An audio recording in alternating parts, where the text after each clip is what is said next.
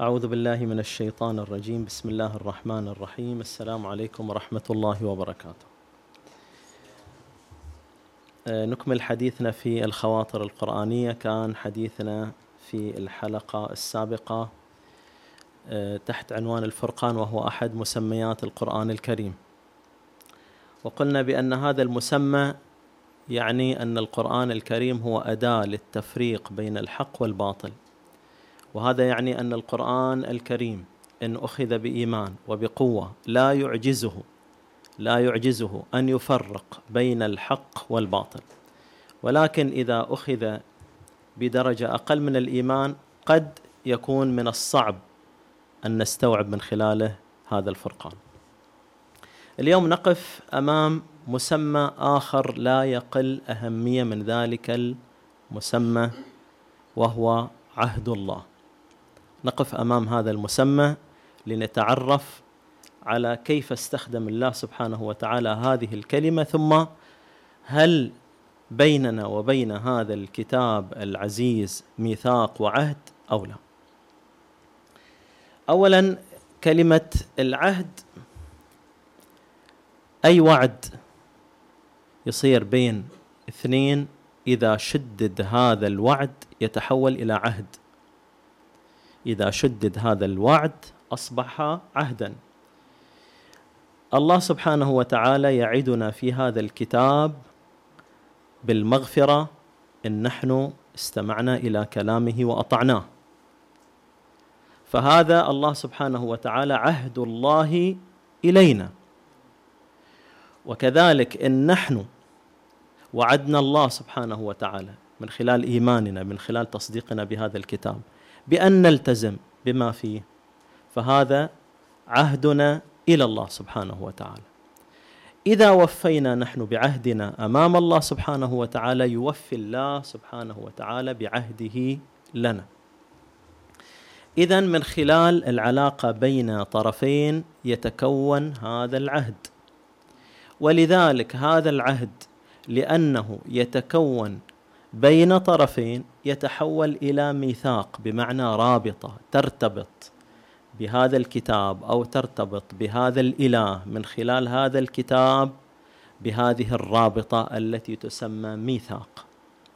الميثاق هو مثل التوثيق مثل التربيط لما الإنسان آه، يقيد من يده أو من رجله يقال عنه أنه موثق وثقنا يده أو وثقنا رجله.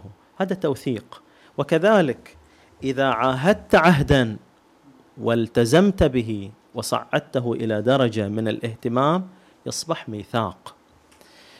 ندخل إلى هذا المسمى من خلال استخدام الله سبحانه وتعالى إلى هذه الكلمة في القرآن الكريم ومن خلال الآية أربعين من سورة البقرة.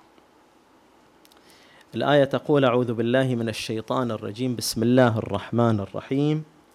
يا بني إسرائيل اذكروا نعمتي التي أنعمت عليكم وأوفوا بعهدي. أوف بعهدكم وإياي فارهبون. أنت توفي بعهدك مع الله فالله يوفي بعهده معك. إن التزمت فالله سبحانه وتعالى من جهة أخرى يلتزم. ما يهمنا في هذه الآية أن الله سبحانه وتعالى سمى هذا الكتاب المنزل على بني إسرائيل بالعهد. ولذلك حتى هذا موجود في الأثر كمستند موجود في الأثر اليهود يسمون التوراة بالعهد القديم. وكذلك التسمية تندرج إلى الإنجيل تسمى بالعهد الجديد. وهذا المسمى أطلق على التوراة وعلى الإنجيل مو معناته أن هذه التسمية فقط مختصة إلى التوراة أو مختصة إلى الإنجيل. أيضا القرآن الكريم يعتبر عهد. هو هذه هذه الكلمة مأخوذة من صفة العلاقة بيننا وبين هذا الكتاب. أخذت هذا المسمى.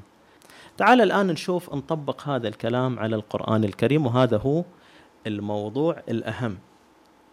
هل بيننا وبين هذا الكتاب العزيز ميثاق؟ هل بيننا وبين هذا الكتاب العزيز عهد؟ هل هذا ممكن نحن نسميه عهد الله إلينا أو عهدنا إلى الله سبحانه وتعالى بهذا المسمى؟ نروح إلى نفس سورة البقرة وفي نهايتها في الآية 285 الآية الشريفة تقول أعوذ بالله من الشيطان الرجيم. بسم الله الرحمن الرحيم. آمن الرسول بما أنزل إليه من ربه والمؤمنون. كل آمن بالله وملائكته وكتبه ورسله لا نفرق بين أحد من رسله وقالوا سمعنا وأطعنا غفرانك ربنا وإليك المصير. لاحظ الكلمة سمعنا وأطعنا.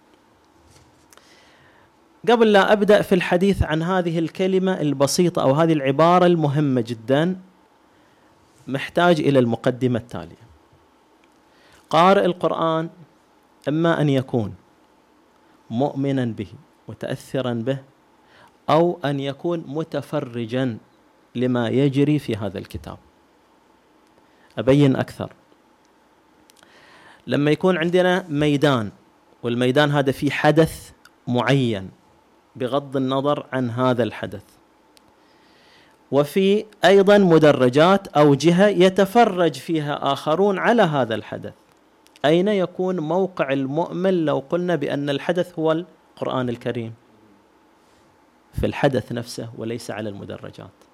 المؤمن لا يتفرج على القرآن الكريم عندما يتلو هذه الآيات. المؤمن يعيش في نفس الميدان في وسط الميدان.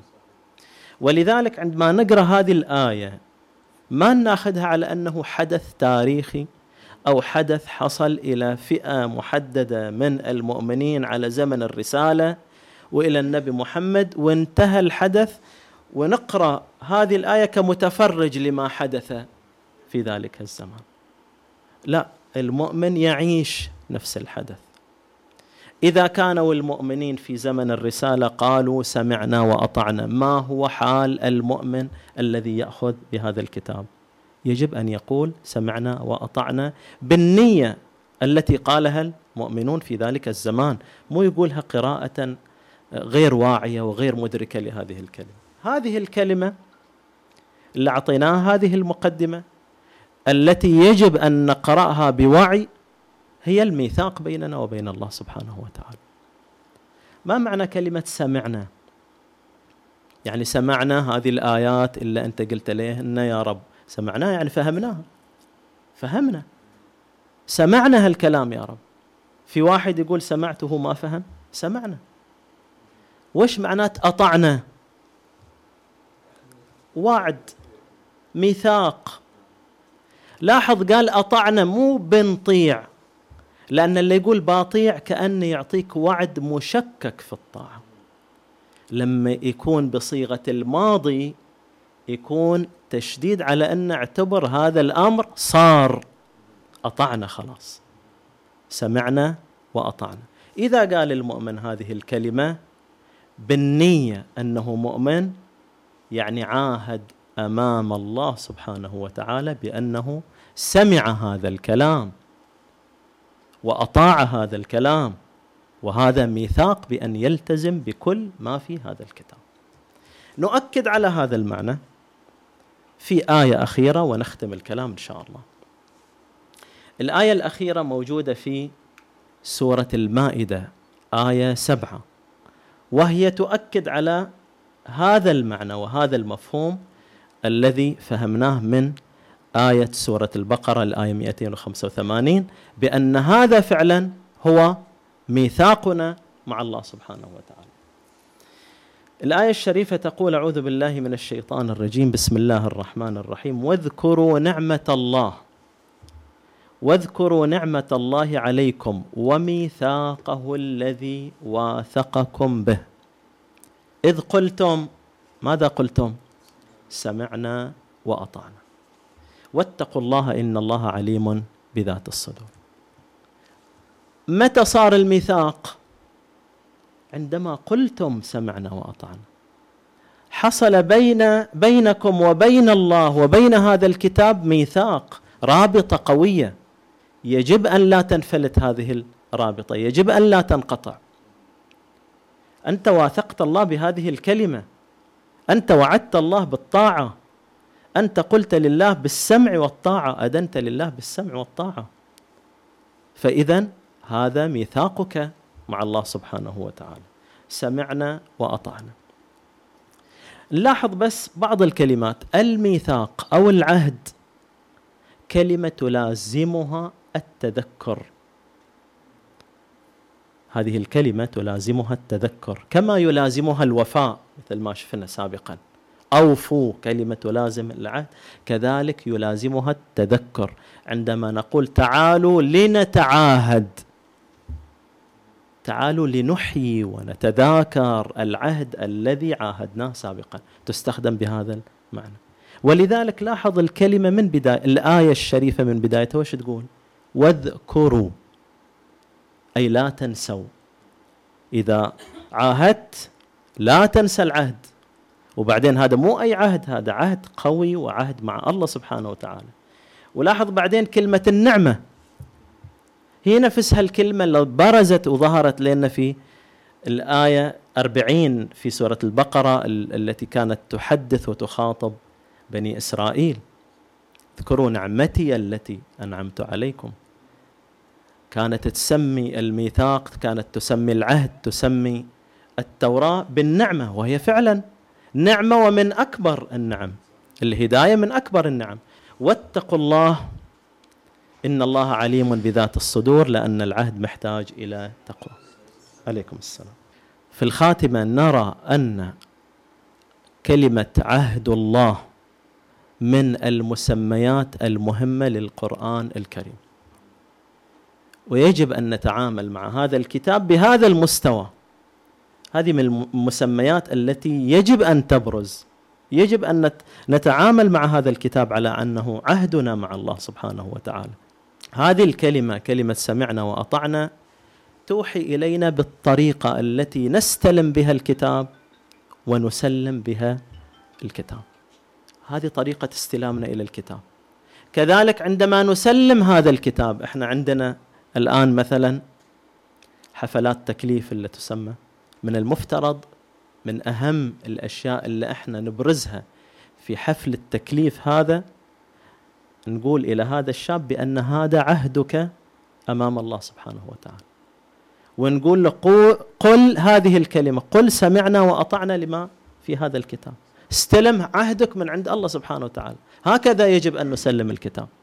أسأل الله سبحانه وتعالى أن يجعلنا من المتمسكين بهذا العهد والموفين لآياته ولأوامره. لهذا الحديث إن شاء الله تتمة إلى أن نلقاكم. نستودعكم الله. والسلام عليكم ورحمة الله وبركاته.